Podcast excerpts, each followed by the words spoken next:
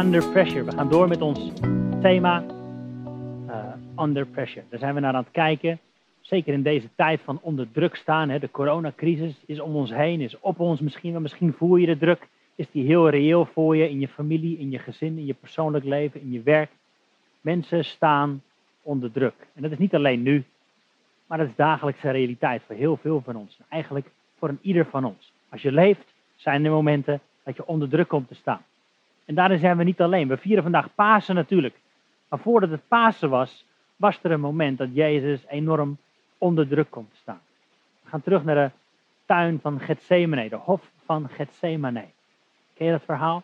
Dat Jezus daar, voordat hij gevangen wordt genomen, aan het bidden is. Hij is aan het smeken. Vader, als het mogelijk is, wilt u dit dan van mij afhalen. Deze druk, deze pijn die me te wachten staat. Hij weet dat hij zal gaan sterven. Maar bidt hij, niet wat ik wil, maar wat u wil. Dat geschieden. Jezus staat onder druk. In de hof van Gethsemane. Nou, Gethsemane komt uit het Aramees. En dat betekent zoiets als oliepers of olijfpers. De hof van Gethsemane is aan de voet van de olijfberg, net buiten Jeruzalem. dat is een plaats waar alle olijven gebracht worden om inderdaad geperst te worden. Geperst, zodat er olijfolie van gemaakt kan worden. Een plaats van de pers. En juist op die plek is ook waar Jezus onder druk komt te staan. Hij voelt de druk, hij voelt de pijn. Er staat in de Bijbel zelfs dat hij bloed zweette. Zo hevig moet hij die druk, druk gevoeld hebben. Jezus kende ook druk. Maar hij had een sleutel. En die lezen we in Hebreeën 12. Daar staat het volgende. Hij heeft, en dan gaat het over Jezus, om de vreugde die hem in het vooruitzicht was gesteld, het kruis verdragen en de schande veracht. En hij zit nu aan de rechterhand van de troon van God. Dit is zijn sleutel. Om de vreugde die hem in het vooruitzicht was gesteld, kon hij het kruis verdragen.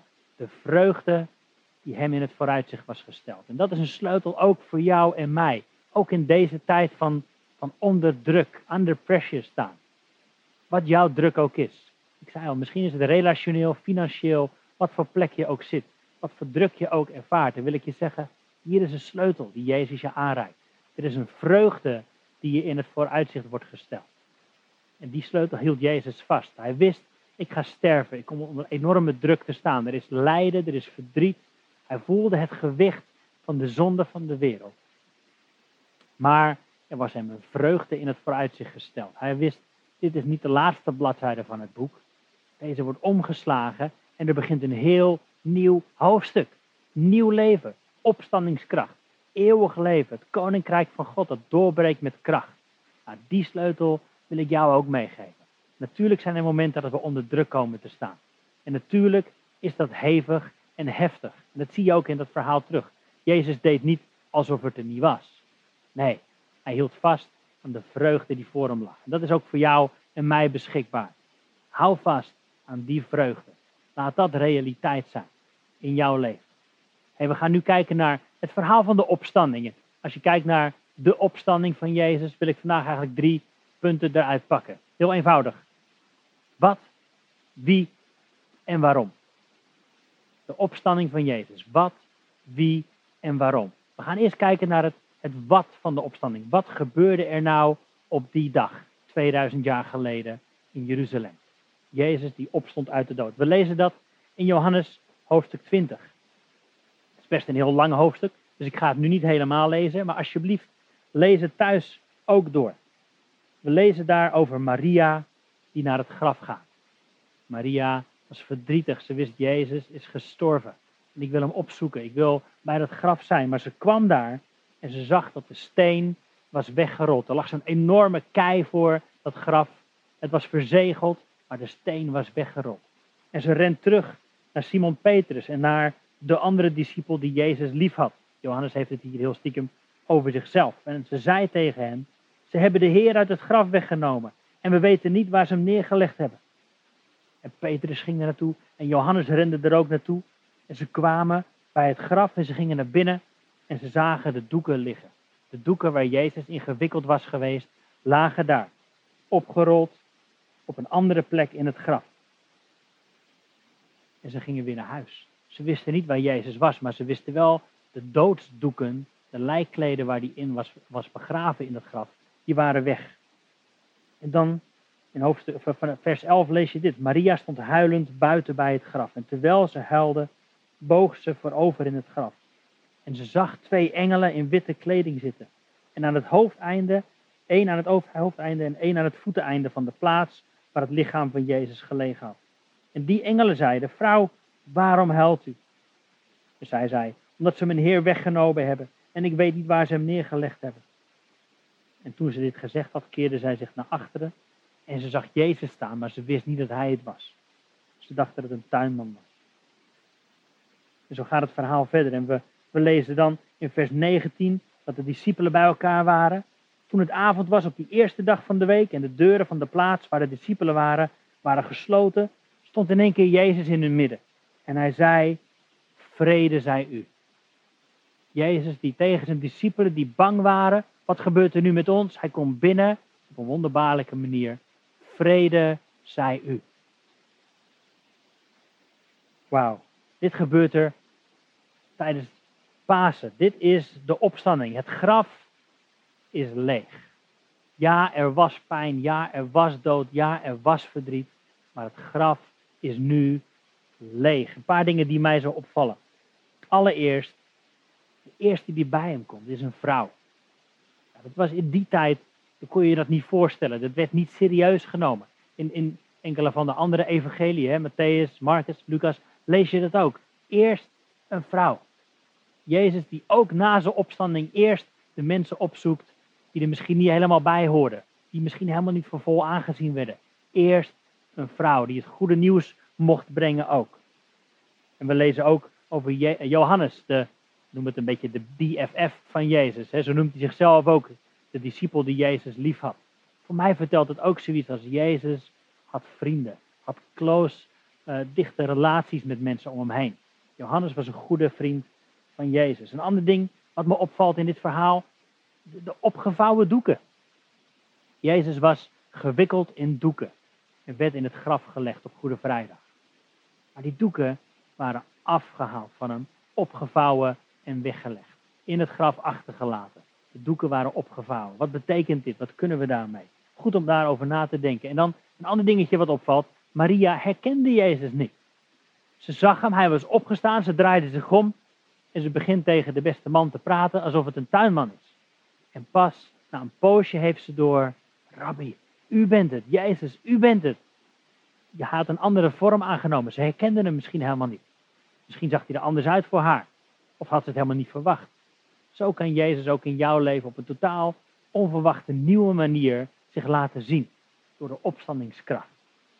Dat is het historische gebeuren, het wat van de opstanding. En natuurlijk wordt er al eeuwenlang over gediscussieerd. Is het nou wel echt gebeurd? Was het geen fata morgana? Was het geen wishful thinking? Maar onderzoek na onderzoek na onderzoek laat zien, dit is een historisch feit. Het is echt gebeurd, het is een waarheid die ook vandaag nog zijn gevolgen heeft. Maar de opstanding is, is meer dan alleen een historisch feit. Het is meer dan alleen iets, ja, het is toen gebeurd, hartstikke mooi, nu gaan we weer door met de rest van ons leven. Nee, dit is iets wat voor eeuwig en altijd onze wereld, onze realiteit veranderd heeft. Het is een historische gebeurtenis, maar het is meer dan dat. Het is ook een, een wie. De volgende vraag die ik wil beantwoorden, waar we naar gaan kijken als we het hebben over de opstanding. Wie? En daarvoor neem ik je mee een paar hoofdstukken eerder naar Johannes hoofdstuk 11. Johannes hoofdstuk 11. We zoeken dat samen even op. Lees het thuis ook eventjes na. Opnieuw best een lange hoofdstuk, maar fantastische dingen die we daarin kunnen lezen. Dit staat, in mijn Bijbeltje staat erboven, de opwekking van Lazarus. Misschien ken je het verhaal, maar lees het nog een keer door en je zult absoluut weer nieuwe dingen gaan ontdekken.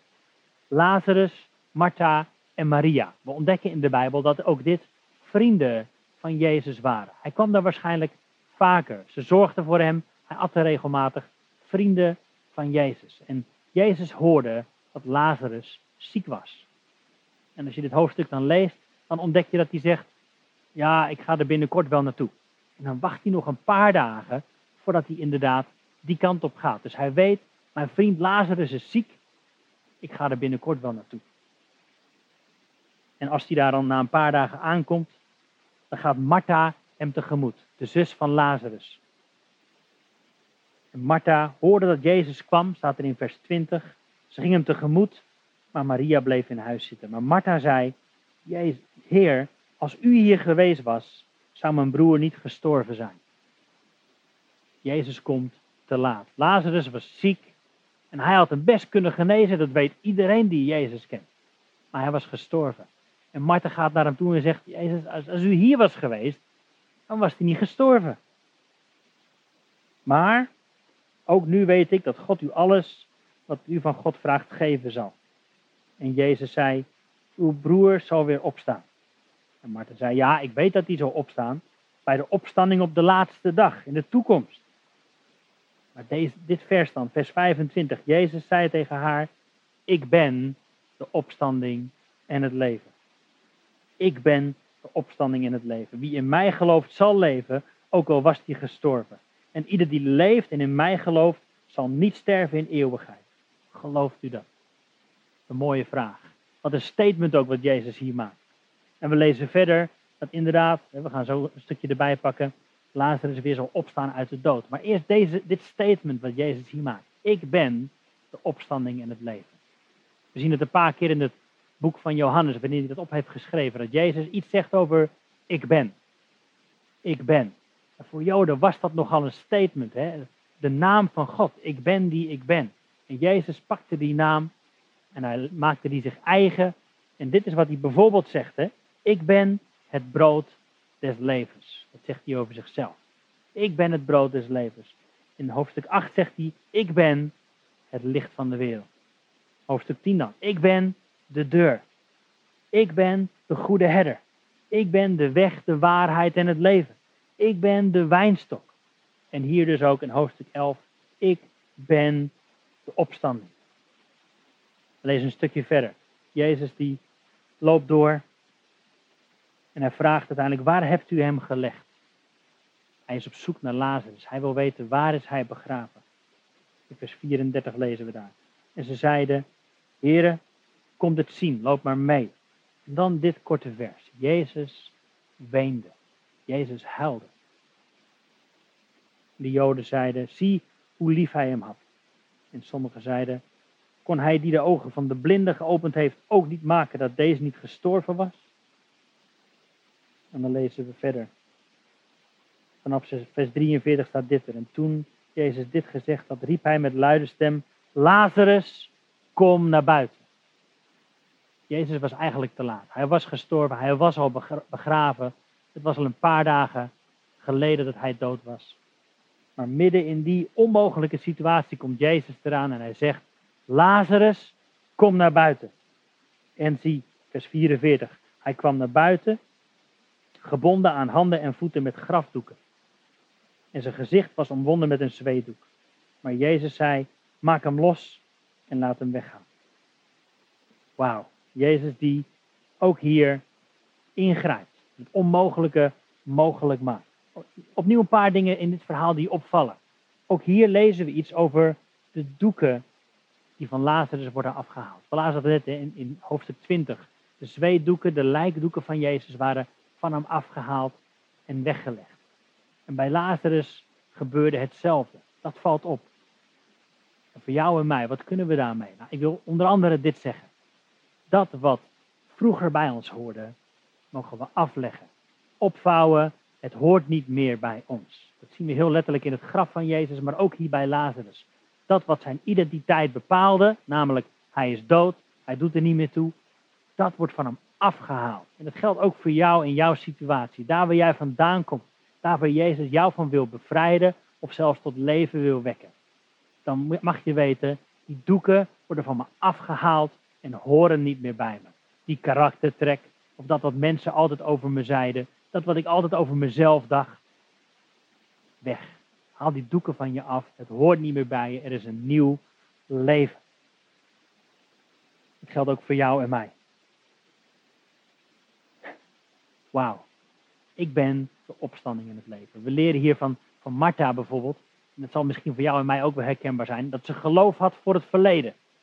Heer, als u hier geweest was, dan was het allemaal goed geweest. Maar ook in de toekomst kunt u hem weer opwekken. Ze had geloof voor, voor het verleden en voor de toekomst, maar voor het hier en nu hopeloos. Dit is wat we kunnen leren in dat verhaal. Natuurlijk mogen we genieten van alle fantastische dingen die gebeurd zijn in het verleden. Van alle getuigenissen die we gehoord hebben. En natuurlijk mogen we vol verwachting vooruitkijken naar wat Jezus wil gaan doen op, op de laatste dag zoals het hier staat. De dag dat God alles in orde zal maken. Maar ook hier en nu mogen we weten, God is de God van wonderen. Jezus is de opstanding en het leven. Dat kunnen we hiervan leren. Niet alleen verleden, niet alleen toekomst. Hier en nu is Hij dichtbij in jou en in mijn situatie. Midden in deze tijd van onderdruk staan, Hij is dichtbij en Hij kan dat wat dood was levend maken. Jezus weende, staat er ook. En ik vertelde dat net in de tuin van Gethsemane, dat Jezus ook daar bloed zweette. Dat kunnen we daar ook van leren. Misschien zijn we nu wel gewend om te zeggen, we doen net alsof het niet zo is. Maar dat is niet de sleutel die Jezus gebruikt. Hij weende, hij was verdrietig, hij ervoer die druk. Mogen we echt over zijn. De psalmen staan daar vol mee. We zijn, we zijn echt als het daarop aankomt. We mogen verdriet hebben, we mogen ons uh, alleen voelen. Maar daar stopt het niet. Maar het is wel realiteit. Jezus weende. Wat van de opstanding, het wie van de opstanding, maar als laatste stukje willen kijken naar het waarom. En nu dan? En nu dan? Ik zei al, het is niet alleen een historische gebeurtenis die toen waar was. Wat gebeurt er nu in ons leven, met jou en mij, nu we weten dat de opstanding een realiteit is? Het is niet alleen maar zodat we één keer per jaar de Passion kunnen kijken op tv. Hartstikke tof trouwens. Mooi om te zien wat voor hoop dat aan mensen geeft. Maar nu dan? Maar nu dan? Een van de dingen die noemde ik net al. De opstanding is een realiteit. En we kunnen daarom onze oude kleden afleggen. Onze oude identiteit, ons oude vlees, dat wat ons aangedaan is. De verkeerde dingen die we zelf gedaan hebben. Mirjam liet het al eventjes zien in het water met de zee. Dat wordt van ons afgehaald. Het hoort niet meer bij ons. We hoeven dat niet meer op te zoeken. En dat deed Jezus ook niet. Hij pakte niet uiteindelijk weer zijn oude zweetdoek en deed hij toch om. Of Lazarus ging niet zichzelf weer inwikkelen. Achter je laten. Dat wat niet bij het nieuwe leven hoort. Wil ik ook tegen jou zeggen. En dan mogen we elkaar ook als discipelen inscherpen. Dat wat ooit bij je hoorde, leg het af. Een nieuwe identiteit mag je aantrekken door de kracht van de opstanding. We gaan terug naar Johannes hoofdstuk 20 en daar lezen we dit. Vrede zij u. Dat is het gevolg van de opstanding. Vrede zij u. Je mag je verdriet en je angst omruilen voor zijn vrede. Dat bid ik je toe, dat je die zult ervaren. Gods vrede, die alle verstand te boven gaat, dwars tegen alle omstandigheden in. Laat de vrede heersen in je hart en in je situatie. Maar ook een paar versen verder, in vers 21 van hoofdstuk 20, lezen we dit. Zoals de Vader mij gezonden heeft, zegt Jezus, zo zend ik ook jou. Dat is ook een gevolg van de opstanding. Een zendingsbevel. Jij mag vrede ervaren, maar deel het uit. Leuk wat Mirjam net opriep voor de kinderen, maar hoe zit het met jou en mij? Hoe laten wij onze omgeving merken, God houdt van je. Hij is dichtbij, hij zorgt voor je, hij kijkt naar je om, hij houdt van je. En dat kan heel makkelijk door inderdaad een taart te bakken voor iemand of een bloemetje te brengen. Maar wees daarmee bezig. Zoals God de Vader Jezus gezonden heeft, zo zendt Hij ook ons deze wereld in om zijn vrede te ervaren en uit te delen. En dan lezen we later dit in een vers later. Hij blies op hen en hij zei: Ontvang de Heilige Geest. Ontvang de Heilige Geest. We hoeven dit niet alleen te doen, mensen. We hoeven het niet alleen te doen. We mogen vervuld worden met zijn Heilige Geest. Ook dat vieren we over een poosje. Pinksteren, de uitstorting van de Heilige Geest. De realiteit en de kracht en de persoon en de leiding van de Heilige Geest. Maar die mogen we vandaag al ervaren en ontvangen. We hoeven dit leven niet alleen te doen. Jezus is opgestaan en hij zegt: Wees vervuld met de Heilige Geest. Als laatste wil ik deze lezen. 2 Korinthe. Dit is ook het waarom van de opstanding. Hoe zien we dit praktisch gebeuren? 2 Korinthe hoofdstuk 5 staat dit. God was het namelijk die in Christus de wereld met zichzelf verzoende. En aan hen hun overtredingen niet toerekenen. En hij heeft het woord van de verzoening in ons gelegd. Wij zijn dan gezanten namens Christus, alsof God zelf door ons smeekt. Namens Christus smeken we, laat u met God verzoenen. Want hem die geen zonde gekend heeft, heeft hij voor ons tot zonde gemaakt, opdat wij zouden zijn gerechtigheid van God in hem. God heeft de wereld met zichzelf in Christus verzoend. Dat mogen we weten, dat mogen we ervaren. Onze zonden worden ons niet langer toegerekend.